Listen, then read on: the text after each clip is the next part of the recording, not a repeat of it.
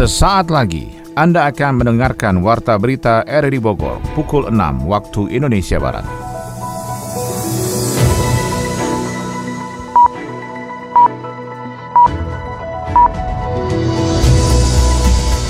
Selamat pagi dan salam jumpa. Kembali kami hadir dalam Warta Berita edisi hari ini, Selasa 29 Maret 2022. Siaran ini bisa Anda dengarkan melalui audio streaming pada aplikasi Radio Play di perangkat smartphone Anda dan turut disiarkan Radio Tegar Beriman, Kabupaten Bogor. Berita utama hari ini adalah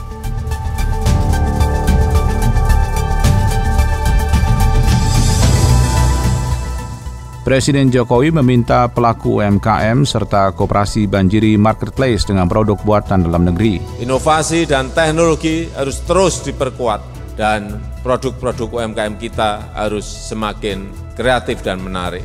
IDI mengingatkan masyarakat harus tetap waspada COVID-19 dan menjaga protokol kesehatan saat Ramadan 1443 Hijriah. Kita sudah membiasakan diri juga akhirnya jadi nggak berani melanggar protokol itu. Saya Maulana Isnarto, inilah Warta Berita selengkapnya.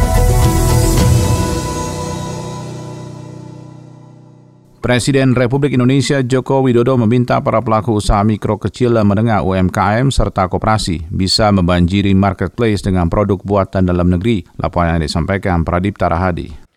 Yang terhormat Presiden Republik Indonesia yang kami Presiden Joko Widodo meresmikan pembukaan Rakornas Transformasi Digital dan Pendataan Lengkap Koperasi dan Usaha Mikro, Kecil, dan Menengah tahun 2022 secara virtual dari Istana Negara. Dalam kesempatan tersebut Presiden Jokowi menekankan bahwa pembenahan secara menyeluruh harus dilakukan di sektor UMKM. Karenanya Presiden menginstruksikan jajaran pemerintah pusat hingga daerah untuk bekerja keras memperbaiki ekosistem kewirausahaan di seluruh wilayah.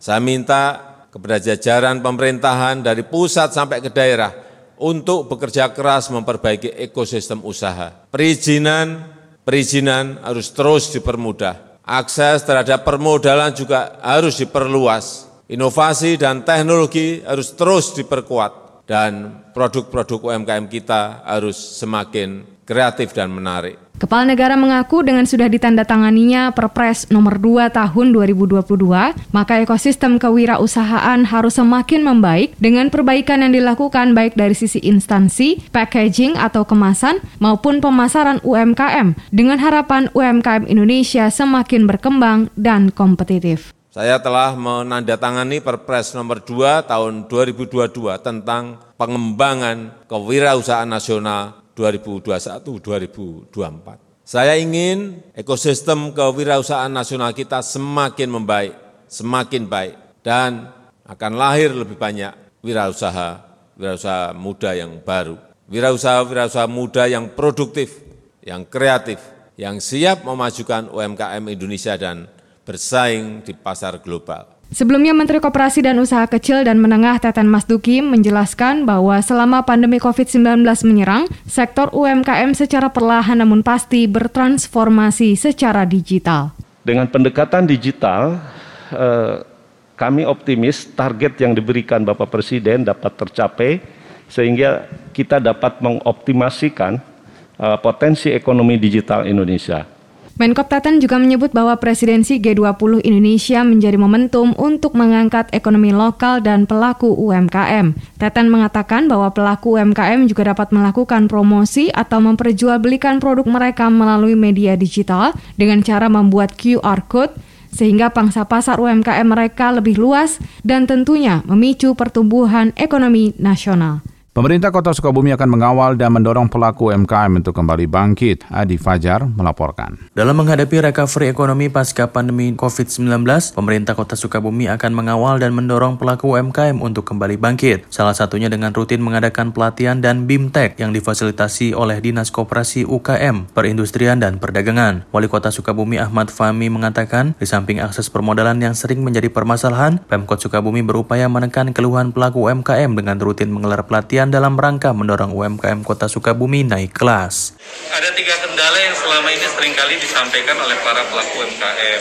Kendala permodalan, kendala pemasaran, dan juga kendala skills kemampuan mereka. Maka target kita melaksanakan kegiatan kali ini didanai dari The Afternoon adalah bagaimana agar kita berharap skills dari para pelaku UMKM ini meningkat. Sehingga mereka nanti bisa naik kelas. Itu harapan kami.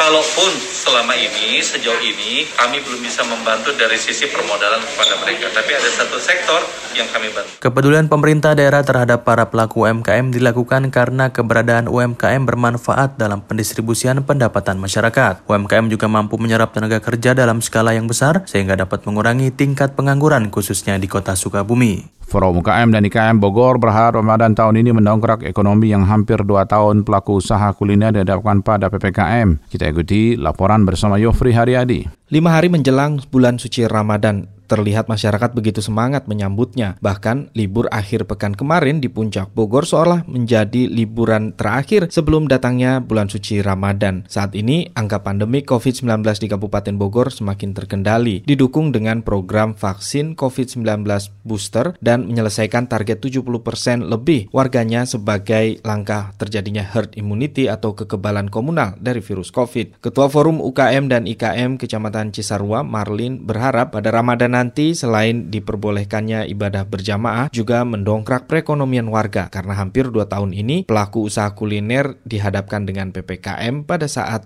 waktu berbuka puasa. Momennya adalah momen bulan Ramadan, jadi yang namanya festival kuliner itu dan kuliner itu menjadi tujuan utama. Jadi spot yang dituju oleh masyarakat untuk membeli jajanan buka puasa. Itu yang pertama. Yang keduanya adalah pengembangan sinergitas dari BUMDes dan UMKM. Jadi BUMDes itu sebagai akomodir buat UMKM dalam mengembangkan usahanya. Yang diberikan BUMDes adalah tempat dan sponsorship dan UMKM adalah mengisi untuk menyalurkan produk-produk mereka untuk bisa terjual. Kulinernya kita sengaja bedakan, tidak ada yang sama. Pojok kuliner buka puasa dan suasana hikmat di bulan Ramadan bagi insan pariwisata menjadi atensi dalam mendongkrak peluang dan kesempatan. Namun di sisi lain, lonjakan harga bahan pokok sembako diresahkan warga adalah naiknya harga minyak goreng. Kepala Unit Pasar Cigombong Perumda Pasar Tohaga Kabupaten Bogor Arya Bima mengatakan meski dihadapkan pada kenaikan harga tidak mengurangi volume dan ritme belanja masyarakat yang menjadi rutinitasnya. Dihimbau juga pada masyarakat tidak terlalu cemas dengan kondisi harga dan mudah-mudahan nanti pun juga pemerintah daerah tentunya terus menyikapi supaya tidak ada suatunya lonjakan harga maupun juga ketersediaan barang-barang yang dibutuhkan oleh masyarakat. Sudah berjalan ya, ya. ada intervensi penyediaan barang-barang dan barusan juga informasi yang kami dapatkan dari Dinas Disdagin gitu ya, bin oleh Pak Wabub, memang kita harus lebih intervensi lagi terhadap penyediaan-penyediaan barang dan untuk harga harga itu bisa stabil gitu. Pemerintah Kabupaten Bogor melalui tim pengendali inflasi daerah yang dipimpin oleh Wakil Bupati Bogor Iwan Setiawan akan melakukan operasi pasar pada titik dengan kenaikan harga kebutuhan pokok di atas rata-rata. Dalam raker yang dilakukannya meminta SKPD terutama Disdagin, Dinas Ketahanan Pangan dan PD Pasar Tohaga dan Perumda Pasar Tohaga menjadi bagian dalam intervensi harga sembako di Kabupaten Bogor.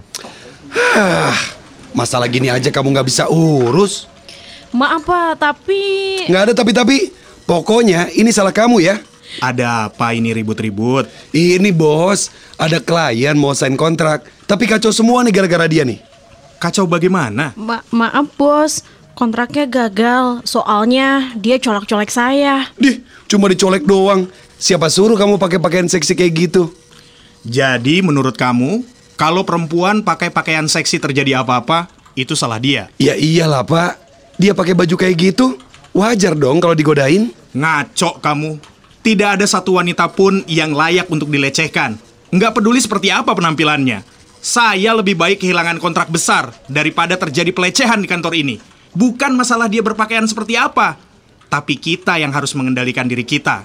Hargailah perempuan sebagaimana kamu ingin dihargai. Di Kota Bogor meminta masyarakat waspada COVID-19 dan menjaga prokes saat Ramadan 1443 Hijriah. Sony Agung Saputra melaporkan. Masyarakat mulai melakukan aktivitas Ramadan 1443 Hijriah dengan melakukan sejumlah rangkaian ibadah menjelang bulan penuh ampunan tersebut. Ketua Ikatan Dokter Indonesia Kota Bogor Ilham Haidir mengingatkan bahwa saat ini masyarakat masih dihadapkan pada pandemi COVID-19. Karena itu masyarakat diminta tetap menjaga protokol kesehatan saat ibadah Ramadan sehingga bisa mengurangi dampak buruk paparan COVID-19. Para medis dari Ikatan Dokter Indonesia dan RSUD Kota Bogor sudah bersiap untuk mengantisipasi hal tersebut saat saat meningkatnya COVID-19 sejalan aktivitas masyarakat yang juga semakin banyak di bulan Ramadan dan Lebaran nanti. Barang kan tentu berkurang tuh, tapi pada saat buka puasa bersama juga harus hati-hati, tetap hati-hati, gitu. jangan dilepas. Gitu. Yang nah. saya takutkan gini, sekarang misalnya ada puasa nih kita terawih, habis terawih kita pulang lah. Usah lagi kita macam-macam gitu ya, ibaratnya ini berinteraksi. Kadang-kadang kan kita berinteraksi. Oh, yang mau itikaf, itikaf, tetapi tetap menjaga kesehatannya. Nah, terus harus diingat ketika mau lepas kita sangat bernafsu sekali jauh-jauh hari. Kita mau kumpul sama orang tua mau mudik. Mudik ini kalau menurut saya satu tradisi yang menurut saya sangat baik secara ekonomi tetapi berpotensi juga secara kesehatan. Karena kan terjadi transmisi namanya mobilitas yang tinggi. Nah untuk memutus covid ini saya sih punya pendapat pribadi ya, bisa benar bisa tidak. Sekarang saatnya kita berlebaran itu justru dengan tetangga-tetangga handai tolan yang dekat-dekat rumah yang tidak beruntung Sementara itu, Ketua IHGMA Kota Bogor, Eka Sukma, mengungkapkan pihaknya tetap mengedepankan protokol kesehatan saat operasional hotel di seluruh Bogor. Kapasitas pengunjung sejumlah agenda bulan Ramadan seperti buka puasa bersama juga masih dibatasi sehingga pengaturan jarak menjadi yang utama untuk menangkal virus COVID-19. Ya akan dipaksakan sampai dengan restoran itu penuh, sangat besar. Kedua adalah mengurangi jumlah meja dan kursi menjarangkan jarak antar meja. Dulu kalau kita buka puasa sebelum pandemi, satu meja bisa berempat. Sekarang nggak bisa. Kita satu meja berdua aja kita udah membiasakan diri juga akhirnya jadi nggak berani melanggar protokol itu. Selama ini kami juga sudah berkoordinasi dengan Dinas Kesehatan hmm. pemerintah Kota Bogor bila mana terjadi sesuatu yang kita tidak inginkan. Sedangkan untuk memutus mata rantai penyebaran virus COVID-19 seluruh hotel dan karyawan sudah menjalani vaksin hingga booster. Dua bangunan sekolah di Cihelet, Kota Bogor ambruk. Laporannya disampaikan Sony Agung Saputra. Peristiwa robohnya sekolah dasar di Kota Bogor kembali terjadi. Setelah dalam beberapa waktu lalu bangunan sekolah di SD Otista ambruk kali ini menimpa dua bangunan di SD Cihelet 1 dan 2. Pantauan RRI terdapat dua bangunan yang ambruk pada bagian atapnya yang terbuat dari konstruksi kayu dan bambu. Salah seorang pengajar SD tersebut, Jenny Ulandari, menjelaskan bangunan yang ambruk memang sudah mengalami kerusakan pada bagian plafon sehingga sudah tidak ada lagi kegiatan belajar mengajar. Saat kejadian diperkirakan pada malam hari saat tidak ada kegiatan belajar mengajar sehingga tidak ada korban jiwa dalam musibah tersebut yang dipakai di sana kelas 1, kelas hmm. 4. Nah, kalau ini kebetulan SD 2. Kalau di sana sih ada dua sekolah. Ya, Cihelet 1 sama Cihelet 2. Kalau sebelum pandemi memang kami rutin memakai. Nah, setelah pandemi kan ruangan ini kosong. Setelah pandemi daring semuanya ini kosong. Nah, mulai PTM itu memang kami hanya menggunakan ruangan yang atas. Karena pas awal pandemi kan hanya 456. Nah, baru yang kemarin ini dari 1 sampai kelas 6 setelah uh, plafonnya runtuh sebelum rubuh ini sih sebelum rubuh full Berdasarkan data yang berhasil terkumpul, bangunan itu sudah berdiri sejak tahun 1980 dan sampai saat ini belum ada perbaikan. Perbaikan pada musrembang sempat dicoret. Menyikapi hal itu, Wakil Ketua DPRD Kota Bogor Eka Wardana mengatakan rubuhnya bangunan ini akan menjadi evaluasi secara menyeluruh sehingga pihaknya akan memanggil Dinas Pendidikan sebagai fungsi pengawasan. Kata lain selain prihatin, di balik keprihatinan itu tentunya harus ada langkah-langkah yang diupayakan oleh pemerintahan Kota Bogor, baik wali kota dan dewannya, kaitan menyikapi kondisi-kondisi. Hari ini jujur saja saya bicara di beberapa media kaitan dengan keprihatinan dan kebutuhan fasilitas pendukung sekolah yang ada di Kota Bogor. Saya bicara jumlah SMP dan SMA yang jauh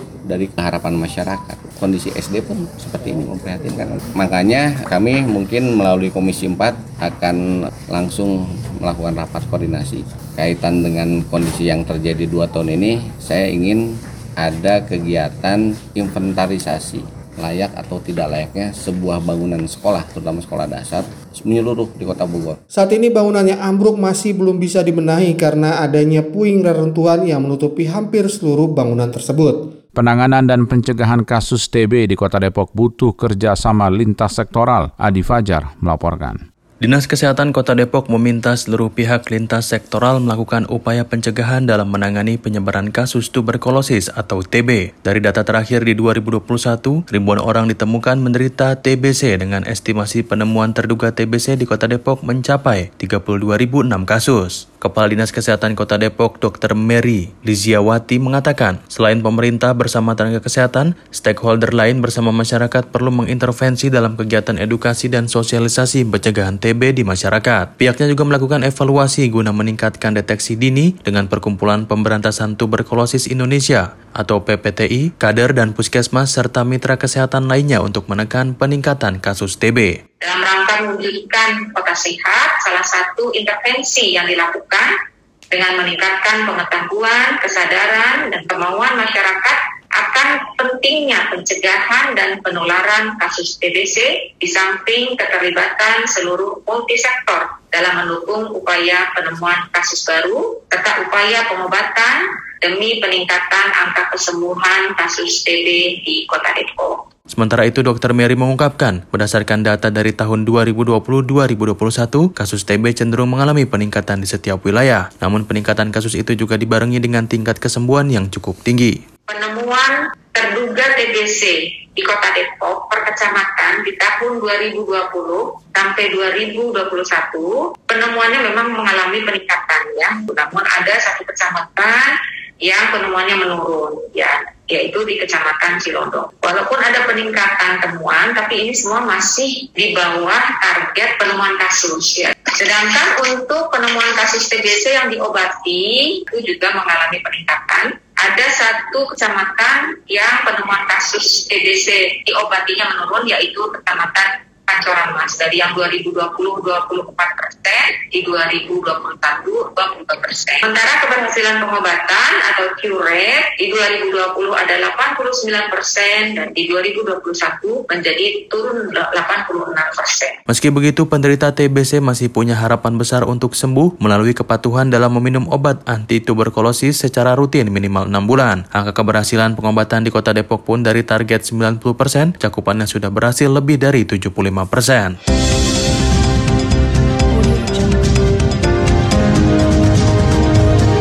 Anda tengah mendengarkan Warta Berita RRI Bogor.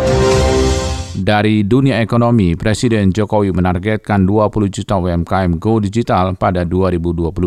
Himpunan Pengusaha Muda Indonesia berupaya mendukung dan mendorong penggunaan produk dalam negeri. Kita akan ikuti laporan ekonomi bersama Adi Fajar Nugraha. Himpunan Pengusaha Muda Indonesia (HIPMI) berupaya mendukung dan mendorong penggunaan produk dalam negeri. Hal itu dilakukan HIPMI sesuai dengan arahan Presiden Jokowi untuk mencintai produk buatan dalam negeri. Sekretaris Jenderal Badan Pengurus Pusat HIPMI Bagas Ada Dirga mengatakan, Presiden telah memberikan peluang para pengusaha lokal agar bisa semakin berinovasi dalam meningkatkan daya saing produk. Ia mengatakan sesuai arahan Presiden, anggaran pemerintah wajib 40% dibelanjakan untuk produk-produk dalam negeri. Tujuannya untuk menekan laju dan membuka lapangan pekerjaan. Dalam meningkatkan produk dalam negeri, peran HIPMI tentu sangat diperlukan. HIPMI akan menyuarakan kampanye penggunaan produk dalam negeri dengan membuat berbagai gerakan cinta produk dalam negeri atau gerakan menggunakan produk dalam negeri. Pihaknya diharapkan bisa membuat produk-produk dimasukkan ke dalam e-katalog atau aplikasi belanja online yang disediakan Lembaga Kebijakan Pengadaan Barang dan Jasa Pemerintah atau LKPP. Layanan online itu dibuat untuk menyediakan berbagai macam produk yang dibutuhkan oleh pemerintah. Selain itu, itu ia juga berharap agar langkah ini bisa diterapkan juga oleh para produsen besar di Indonesia guna meningkatkan tingkat komponen dalam negeri atau TKDN. Tidak hanya pemerintah, pihak swasta juga harus memiliki rasa cinta produk buatan dalam negeri. Bagas juga menyebutkan penggunaan 40% APBN, APBD maupun belanja dari BUMN bisa membuka lapangan kerja bagi 2 juta masyarakat Indonesia.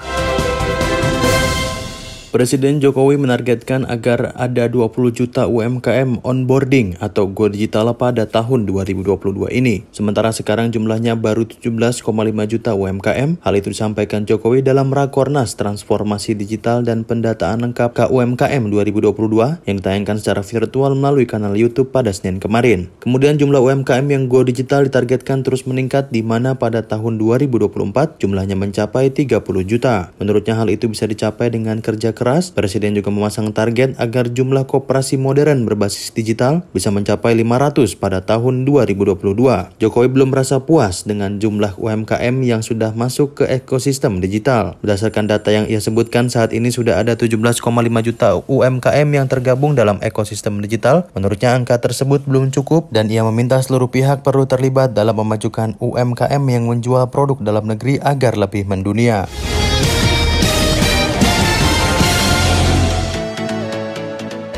Dari olahraga Menpora meminta timnas voli mempertahankan emas pada SEA Games. Turnamen sepak bola Piala Ade Yasin diharapkan memberikan sumbangsi atlet-atlet bertalenta. Kita akan ikuti rangkuman berita olahraga bersama Ermelinda.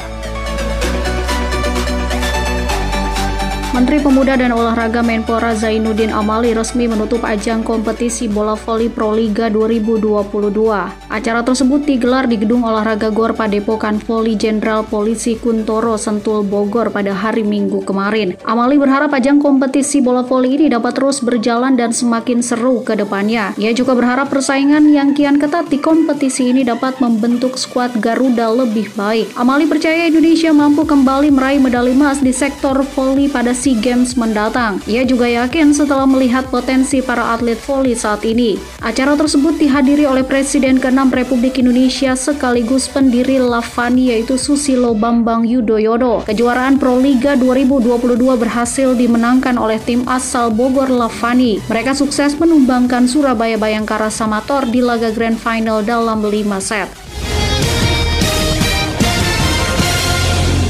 Program pengadaan lapangan bola voli dan sepak bola di wilayah Cibening, Kecamatan Pamijahan telah terwujud. Kedua lapangan tersebut telah dibangun dengan ukuran standar internasional. Menempati ukuran yang luas, kedua lapangan tersebut dapat dimanfaatkan oleh warga selama kepala desa menjabat. Kepala Desa Parihudin mengatakan lapangan tersebut terbukti telah dapat mendongkrak prestasi pemain voli desa Cibening sehingga bisa meraih juara dua di tingkat kabupaten saat mewakili Kecamatan Pamijahan. Sementara untuk cabang sepak bola, lapangan tersebut kini dimanfaatkan untuk berlatih sejumlah klub yang ada di desa Cibening tanpa dipungut biaya. Kades Cibening mengungkapkan ia berencana akan menggelar kejuaraan sepak bola dengan memperebutkan Piala Ade Yasin yang akan digelar pada bulan Mei mendatang. Mulai bulan Mei, Mei setelah lebaran kan ya, dimulai bulan Mei tanggal 26, 26, 27, melibatkan satu kecamatan kurang lebih minimal 16 tim. Sudah sosialisasi sama lula-lura, Alhamdulillah merespon baik untuk menurunkan perwakilan-perwakilannya masing-masing tim untuk berlaga di lapangan bola kapling Cibening. Kades Cibening berharap dengan digelarnya turnamen sepak bola memperebutkan Piala Ade Yasin di wilayahnya bisa memberikan sumbangsih atlet-atlet sepak bola bertalenta yang bisa meraih prestasi dari tingkat nasional maupun internasional.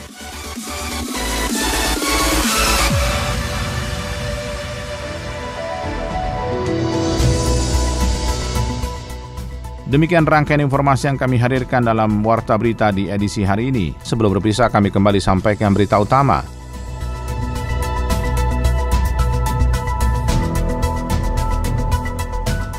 Presiden Jokowi meminta pelaku UMKM serta koperasi banjiri marketplace dengan produk buatan dalam negeri. ID mengingatkan masyarakat harus tetap waspada COVID-19 dan menjaga protokol kesehatan saat Ramadan 1443 Hijriah.